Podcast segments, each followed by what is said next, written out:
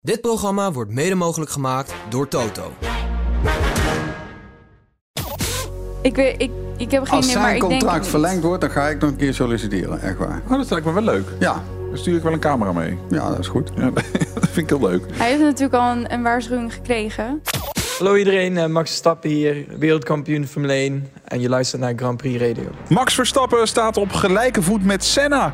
Zijn Toto Wolff en Lewis Hamilton er eindelijk uit. En Nick de Vries was onhandig in Montreal. Welkom bij aflevering 25, jaargang 5 van Nederlands grootste Formule 1 podcast. Vanuit de Harbor Club in Vinkenveen. Ik ben Mattie Valk en dit is Formule 1 aan tafel. Een enorme vuurzee in de pit. Verstappen. I'm hanging here like a cow. Get me out of this fire. This has been incredible.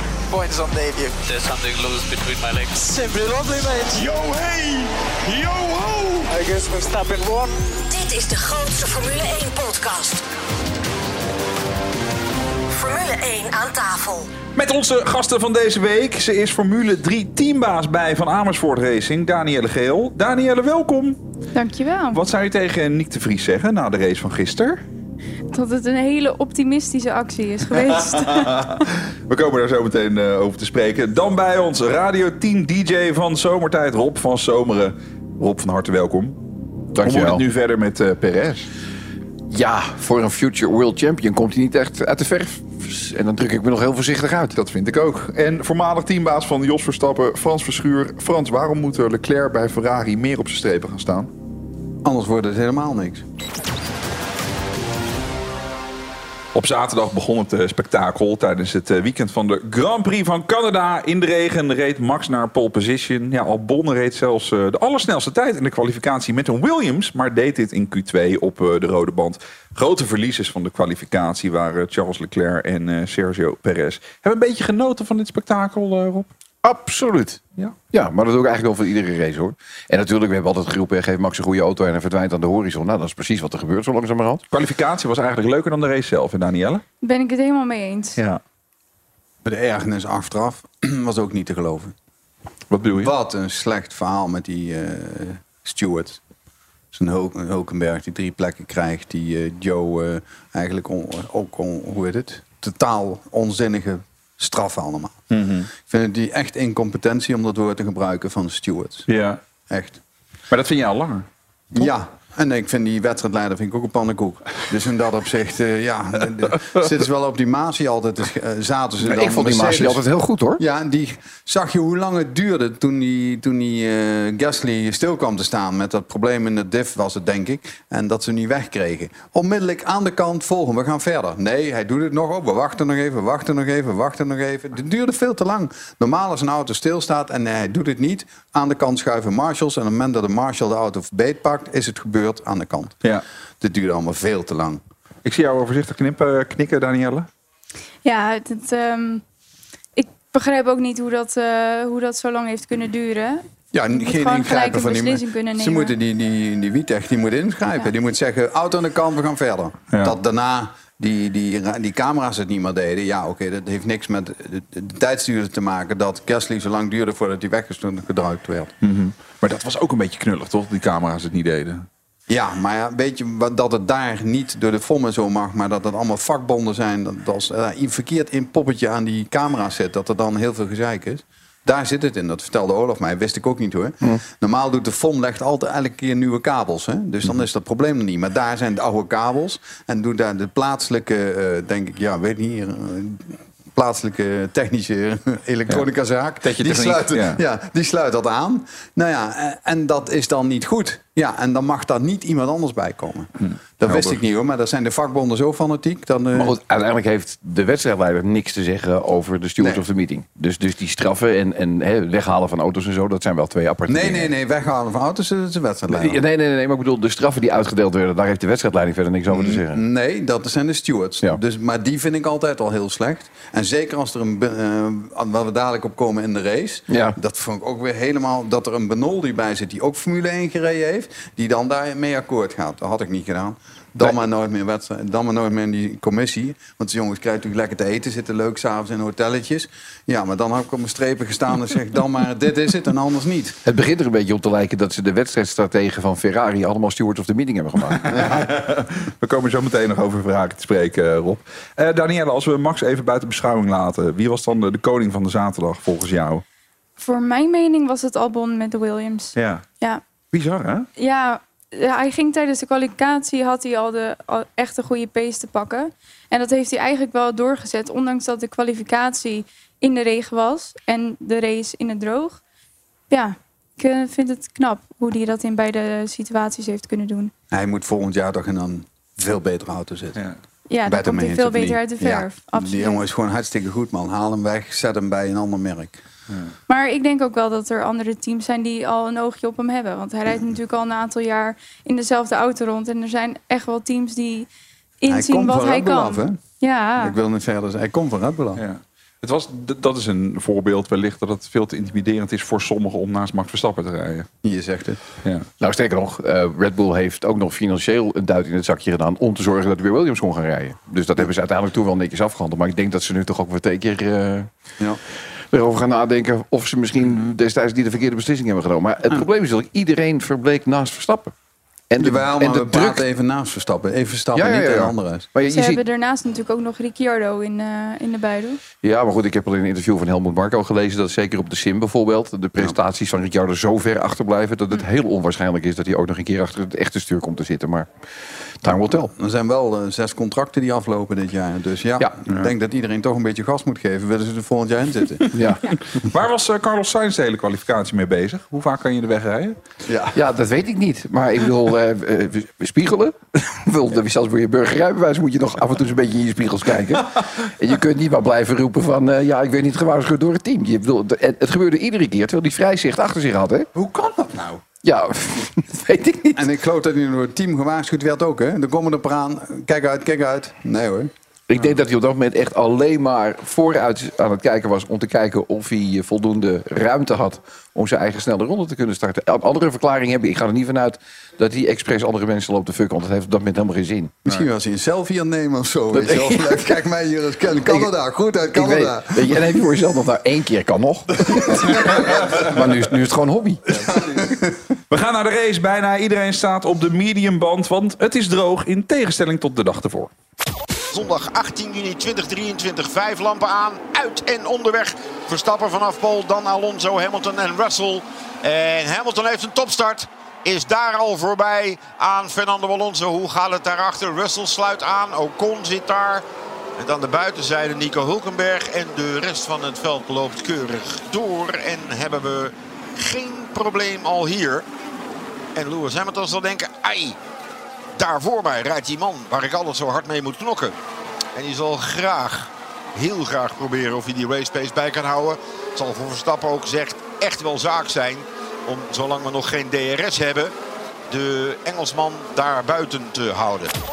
Ja, Hamilton had inderdaad een eh superstart, maar Max rijdt redelijk snel weg. In ronde 6 staat eh, Verstappen al op een voorsprong van ruim 2 seconden. Eh, Logan Sargent, de rookie, valt uit. Zijn eh, motor begeeft het. En er is even een gele vlag, maar die is van korte duur. In ronde 11 klapt George Russell met zijn Mercedes zijwaarts bang met zijn rechterachterkant hard op de muur. En het lijkt eh, einde oefening voor hem en Mercedes. Safety car volgt, veel rommel op de baan. Verstappen komt meteen binnen, gaat naar de harde band. Eh, meer rijders volgen en kiezen ook voor de hardste band. Gek genoeg bereikt Russell de pit en die kan door. Ongelooflijk. Nou, je hebt ook vaak meegemaakt. Dat kan toch eigenlijk niet wat daar gebeurt? Nee, ja, als je, het leek een hele harde klap. En als jouw sp- suspension eh, verbuigt, ja, dan eh, wordt het moeilijk verder rijden. Maar ja, waarschijnlijk heeft hij het net zo goed gedaan dat hij alleen een nieuwe band nodig had. Want, En een eh, voorvleugel. In de training was het Norris, geloof ik, die, of Piastri. Een van die. McLaren's die ging de muur in. Ja. ja, dat was gewoon over. Ja, en, maar dat zag je gelijk. Ja. Ja. In eh, ronde 16 gaat eh, de safety car weer van de baan. En bij de herstart eh, rijdt Max weer snel weg bij Hamilton. Wat opvalt is dat Max vlak voor die herstart zijn banden goed opwarmt. Eh, Hamilton doet dat niet en heeft dus ook veel koudere banden. Die kan Max dus niet volgen en wordt even later ook nog eens ingehaald weer door Alonso. Alonso, waarom rijdt Hamilton dan een rechte lijn, Frans? Waarom zou dat zijn? Ja, dit begrijp ik ook niet. Totaal voor mij onbegrijpelijk. En wat ze wel kunnen doen, is kunnen je warmt je band natuurlijk op door, door te slingeren, maar je warmt ze ook met remmen. Dus, dus gas geven, remmen, gas geven, remmen. En dan worden die schijven heet en die verwarmen de, aan de binnenkant de velg. En de velg, als de velg warm is, is de band eerder warm dan een band op het asfalt. Plus dat de band niet zoveel slijt. Op het asfalt slijt die hard en als je met remmen warm maakt, dan slijt de band niet zo hard. Of, eh, maar ik zag Hamilton ook niet overdreven gas remmen, gas remmen, gas remmen om dat heet te krijgen. Dus ik begrijp het ook niet. Nou, was volgens mij als de dood om te worden. Hij was alleen maar, alleen maar aan het kijken wat Verstappen deed. Hij deed voor de rest helemaal niets. Hij keek alleen maar strak voor zich uit. Normaal zie je met die helmcam zie je dat ook nog eens een beetje heen en weer gaan. Van wat doen mensen achter me? Niets. Hij was alleen maar strak vooruit aan het kijken. Helemaal gefocust op wat eh, Verstappen deed. Terwijl ik denk dat hij over voldoende ervaring bezit. Om te weten, de meest ideale plek is gewoon opleiden voor het insturen van die bocht. En dan gaan. Dus ik denk dat hij alle tijd had gehad om op te warmen. Ja. We zitten inmiddels in eh, ronde 37 van eh, de 70 en dan gebeurt er dit. Zo, de Vries. Oh ja, lekker bezig. Tsunoda in pitlane. Nick de Vries denkt, joh, ik ga even lekker Magnus aanvallen. En dat lukt. En dan verremt hij zich. Krijgt hij een tikje en zitten ze allebei op de escape road. Nu niet te snel achteruit rijden, Nick. Niet doen. Niet doen. Dan staan ze dan met z'n tweeën. Ach, allebei de achteruit gevonden. Jammer ga je een keer in de aanval, eindigt het op deze manier. Maar kreeg wel ook nog een heel klein tikkie van uh, Magnussen. Sergeant out. Nick door zijn aanvalsdrang. Maar als je het niet probeert, weet je het nooit. Dus daar gaan we niks van zeggen. Als je het niet probeert, weet je het nooit. Eh, Frans, eh, jij zei vorige week nog... misschien moet hij meer do or die eh, moves toepassen. Jij noemde het net, ik ben even kwijt hoe je het noemde, Daniel. Een optimistische... Ja, optimistische actie. Ja, een optimistische actie, ja. Ja, ik heb er gisteren tot tien uur s avonds voor bij de stewards moeten zitten. Omdat eh, iemand anders diezelfde actie deed bij onze rijder. En die twee gingen er ook eh, uit. Dus Ja, bij jullie reizen pas een jaar of twee jaar. ja, Deze jongen rijdt 15 jaar. ja. Dus ja, dat vind ik gewoon een, een slecht verhaal. Dat hij hem ook nog een keer uitruimt in de volledige stof. Want daar binnenin was het echt een en al eh, troep. Dus hij Ja. glijdt volledig door. Dat had hij moeten weten, vind ik. Zeker als hij al eh, een paar jaar race. Ja. Ja, dit is even weer een mintekentje. Ja. Aan de andere kant, Frans, nogmaals, wij zeggen de afgelopen weken hier ook vaak, en eigenlijk jij voorop, hij zou meer moed moeten tonen en wat dappere keuzes moeten maken. Ja, dat klopt. Dat deed hij ook wel, maar op het verkeerde moment. Ja, ja. bij de Ik vind start. dit nog van- wel een rookie mistake. Dit, ja, als je precies. dat zo eh, bekijkt. Maar uiteindelijk in de Formule 1 is hij een rookie. Ja, maar niet met 28 jaar. Nee, ik probeer er nog iets van te maken, Frans. Ja, dat weet ik. maar ook jij hebt soms een hopeloze missie. Ja, nou, dit is inderdaad kansloos, maar ik probeer het toch. Ja. Dat, eh, wat, de RTL is zo'n leuk eh, programma. Oh jee. De slechtste chauffeur van Nederland. Ja. Ik zie die actie van, je van de Vries. daarin? Ik denk, oh, die past daar ook in. nee, maar weet je, aan de andere kant, er was ook, eh, ik zal geen namen noemen, een coureur die ooit eh, riep, als je een gat ziet en je gaat er niet voor, moet je stoppen met racen. Ja, was ik dat? Nee, dat, eh, nou ja, weet je, er is een Nederlandse coureur die inmiddels evenveel overwinningen op zijn naam heeft staan. Maar die heeft dat ooit geroepen. Er zijn ook t-shirts van en dat soort dingen. Maar dit was, eh, om met Daniel te spreken, heel erg optimistisch. Ja, je moet ook weten waar je het doet. Juist. Want wat Frans ook zegt, je weet als coureur dat dat een, een, een vieze plek is. Hoe, hoe zeg je dat? Eh, Er ligt heel veel stof. Dus je weet, als je daarin gaat halen en je gaat op Geen dat stuk remmen, dan lok je je banden en je gaat rechtdoor. Ja, daar was daarvoor ook al van de lijn afgegaan. Dus die banden waren al smerig. En dan probeerde je het ook nog eens een keertje op het vuil zelf. Nou, dat... Maar eh, ik denk dat eh, dokter Helmoet Marco dit ook niet leuk vond. Nee. Er lopen, zei je net, eh, Frans, zes contracten af. Onder andere die van eh Niek. En die van Yuki. En die van Yuki. Magnussen, Hulkenberg, Sargent, Hamilton. Nou, die gaat wel door. Hamilton, ja, daar komen we zo meteen over te spreken. En Joe. Wat denk jij, wordt dat contract verlengd, eh, Danielle van, eh, van de Vries? Ik ben er bang voor. Ik, weet, ik, ik heb geen Als idee, maar zijn ik denk het contract verlengd wordt, dan ga ik nog een keer solliciteren. Echt waar. Oh, dat lijkt me wel leuk. Ja. Dan stuur ik wel een camera mee. Ja, dat is goed. Ja, dat vind ik heel leuk. Hij heeft natuurlijk al een, een waarschuwing gekregen. Voor als hij zich niet zou verbeteren, dan zou hij eruit. Nou ja, dat heeft hij En wel mis- gedaan. Maar ja, Misschien, Danielle, is dat ook wel de reden dat hij zo'n min of meer wanhoopspoging doet. Van ik, ik moet iets, ik heb niet heel veel kansen gehad. Is dit misschien een kans? Misschien als die druk niet op zijn schouders gelegd wordt, dat hij het niet zou wagen. Dan had hij in de, in de qualifying meer risico moeten nemen. Kijk, Ja. als hij dan een auto afschrijft op... en dan had ik gezegd, nou, ik had het geprobeerd, lukte niet. Ja, heat of the moment. Ja. Je, je, je, zit eh, op driekwart van de race. Al, en je, je denkt, doet ik, het wel, hè? Ik heb, ik, Al- Albon doet het wel, hè? ja, in de Al-. Al- Albon die steeg echt afgelopen weekend boven zichzelf uit. Op alle fronten. Nou, en of hij het nou was of de auto, dat weet ik niet. Maar het moet een combinatie in ieder geval van die twee zijn. Als je een slechte auto hebt, en jullie hebben allemaal dezelfde auto's. Als je een slechte auto hebt, in dit geval dus de, ook de eh, Alfa Tauri is geen best ding. Ja, dan moet je eh, out of the box denken. Dan kun je een keer wat doen. En zeker in omstandigheden als het regent en dat soort dingen. Ja. Eh, out of the box gesproken. In ronde 41 komt Hamilton eh, naar binnen voor verse banden. Maar er wordt eigenlijk met eh, geen woord meer gerept over de bijna aanrijding tussen hem en Alonso. Eerder in de race in de pit. Hamilton reed namelijk vlak voor Alonso- de pitstraat uit. En dat incident werd noted. Maar verder waren er dus geen gevolgen.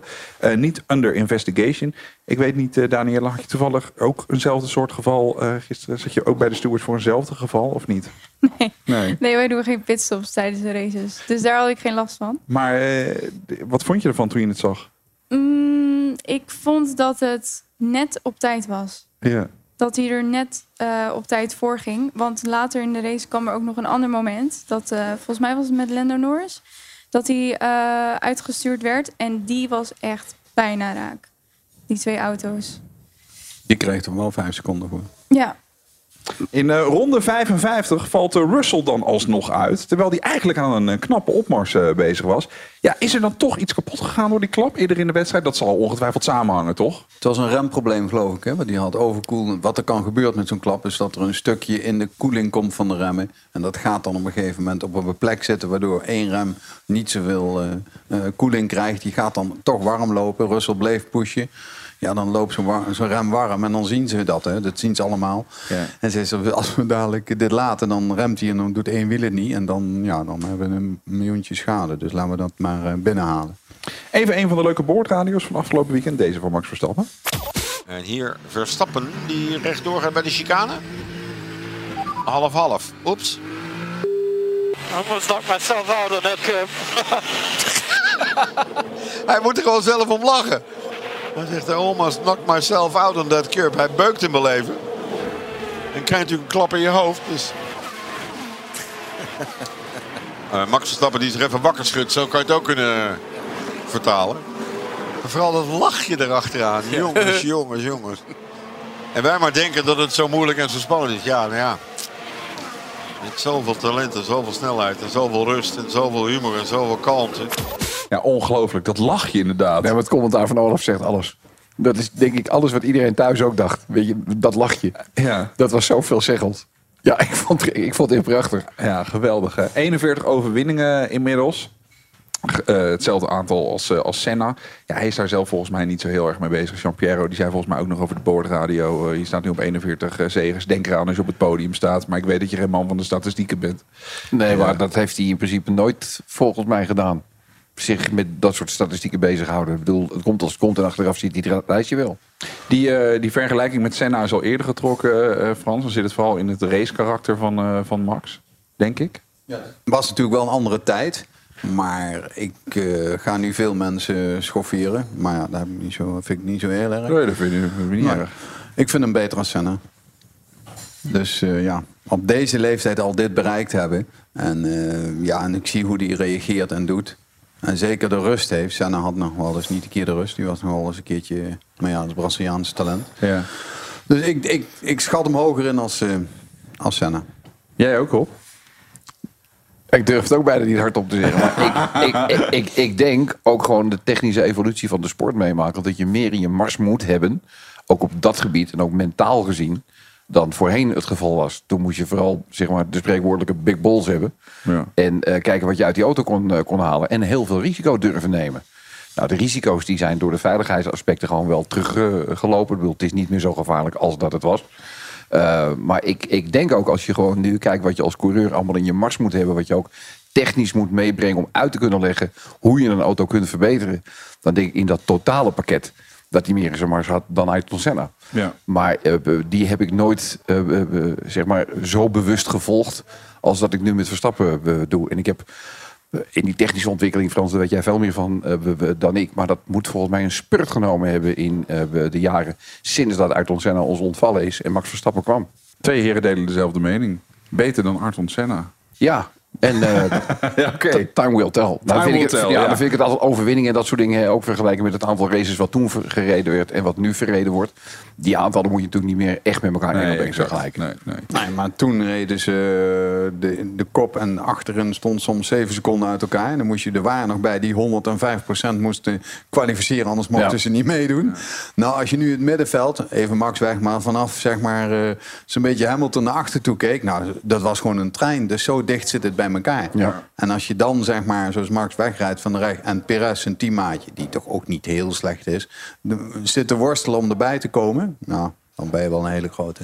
Na de break in F1 aan tafel hebben we een vraag gekregen van eh, Gerard van de Lageweg. Die gaan we beantwoorden over de positie van eh, de pitbox van Red Bull. We spelen Raad het Autogeluid. Speel mee, ga op onze kosten tanken en win ook de Flitsmeister Tour... plus een officiële Ferrari Formule 1 champagne. Haas wil door met rijders Magnussen en Hulkenberg. En hoe zit het nou toch met het contract van Lewis Hamilton bij Mercedes? Allemaal zometeen.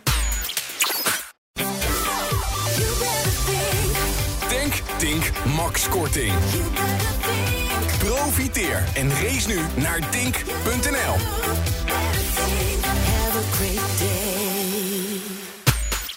Welkom bij de grootste Formule 1 podcast van Nederland. Dit is Formule 1 aan tafel. Er is een vraag binnengekomen van een luisteraar, Gerard van de Lageweg, via het mailadres f1 aan tafel De vraag luidt, die zegt, eh, heren, ik vraag mij af waarom Red Bull dit weekend de laatste pitbox had en niet zoals elk weekend de eerste.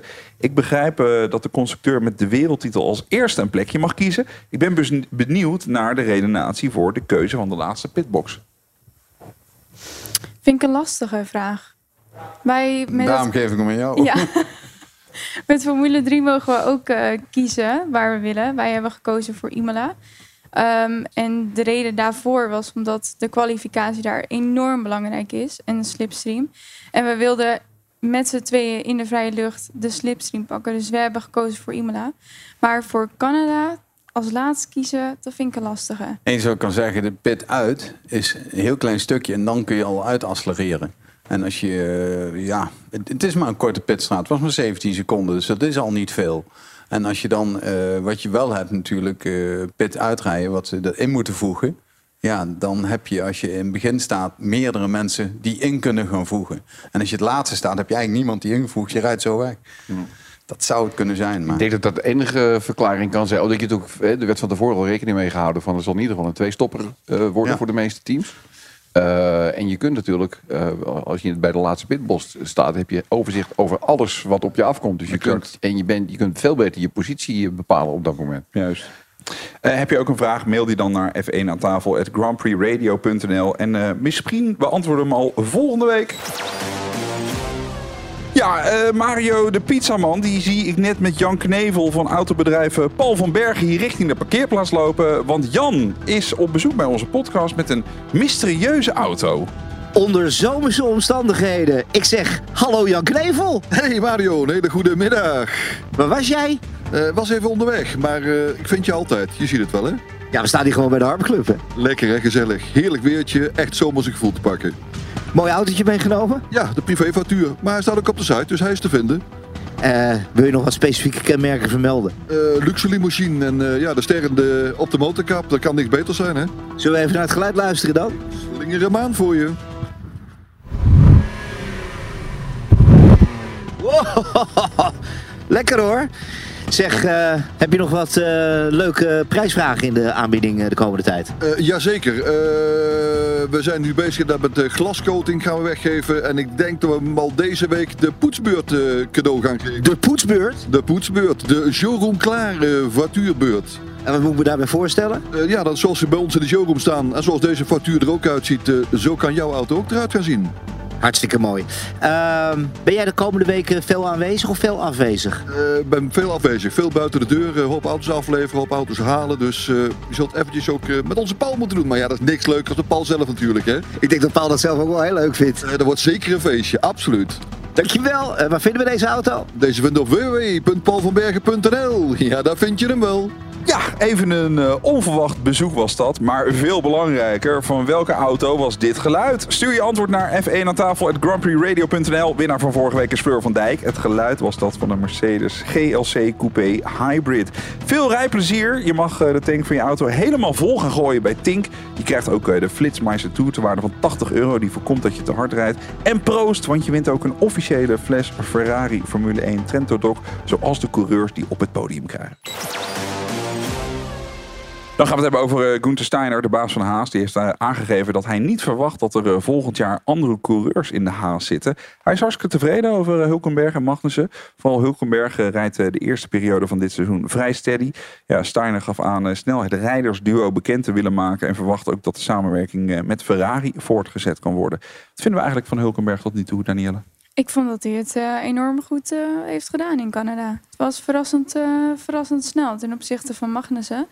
Maar ik begrijp zijn gedachtegang wel, dat hij ze wil houden. Um, want Haas is natuurlijk nog bezig. Uiteindelijk hebben ze uh, toen hun uh, Mazepin eruit gegooid. Toen is uh, Kevin erbij gekomen.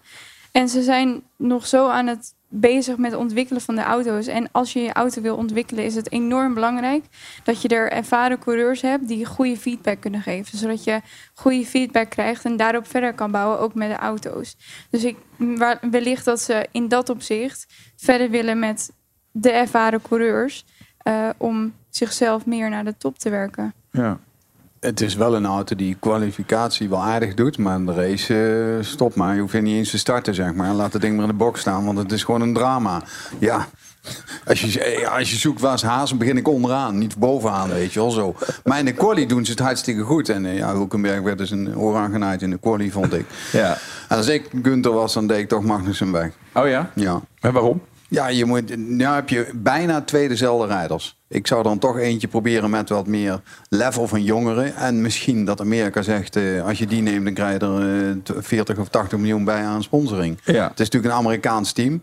Ja, dan zou ik misschien een Amerikaan erin zetten. Jullie zijn redelijk uh, eensgezind vandaag, uh, Rob. Sluit je hierbij aan? Nou, wat, wat ik vooral niet begreep, in een interview na Barcelona riep Gunther Steiner van... Uh, ja, we stellen de auto steeds te veel af op de zaterdag. Dat gaan we veranderen. We gaan ons meer focussen op de zondag. Dat heb ik gisteren niet gezien. En eigenlijk heb ik dat het hele seizoen nog niet gezien bij, uh, bij de Haas. Die doet het op zaterdag, wat Frans zegt, eigenlijk altijd wel goed. In de race blijven ze nergens. Hmm. En uh, of de auto heeft dat niet in zich. Maar ik snap ook wel wat Danielle uitlegt. Dat je, je moet natuurlijk wel wat mensen hebben die kunnen uitleggen... wat er eventueel aan een auto verbeterd kan worden... om uh, ja, zeg maar die rode lantaarn een keertje kwijt te raken. Want ik bedoel, daar zitten ze wel tegenaan of ze houden hem vast.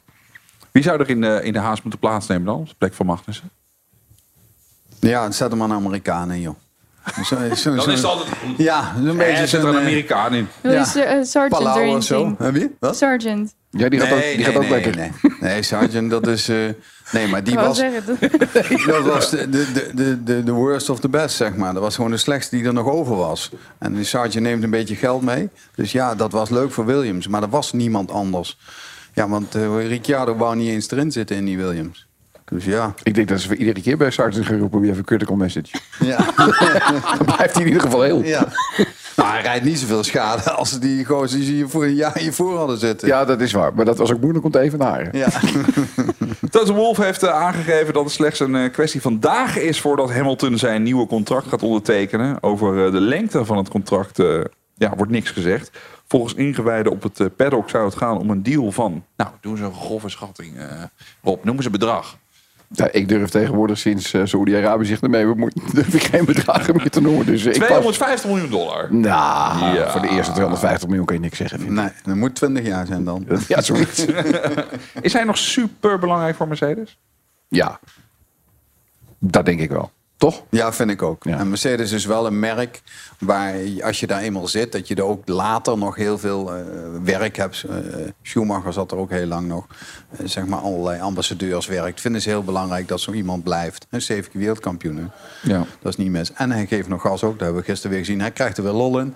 Hij zeurt niet meer zoveel over, de, over die radio, vind ik. Vroeger altijd te zeuren. Ja, je ziet nog redelijk optimistisch Ja. uh, up persoon. Ja. Uh, Ja, hij zou in zijn, in zijn dankwoorden eens een andere tekstschrijver moeten inhuren. Dat, dat zou toch wel leuk zijn Ja, voor de, voor de een keer wat anders, ja. gewoon eens een keertje iets Altijd anders. hetzelfde. Uh, ja, we, we, we, we worden Every time we come here, wonderful crowd. Ja. And uh, Wonderful everybody crowd. back, back in the factory. Well, thank you for the consistency. Ook tijdens de COVID-periode Ja. dat er helemaal geen publiek was. Ja. Dat is ook een wonderful goed, crowd. als dat het enige is wat je aan te merken hebt op een coureur, dan rijdt hij wel goed. Ja.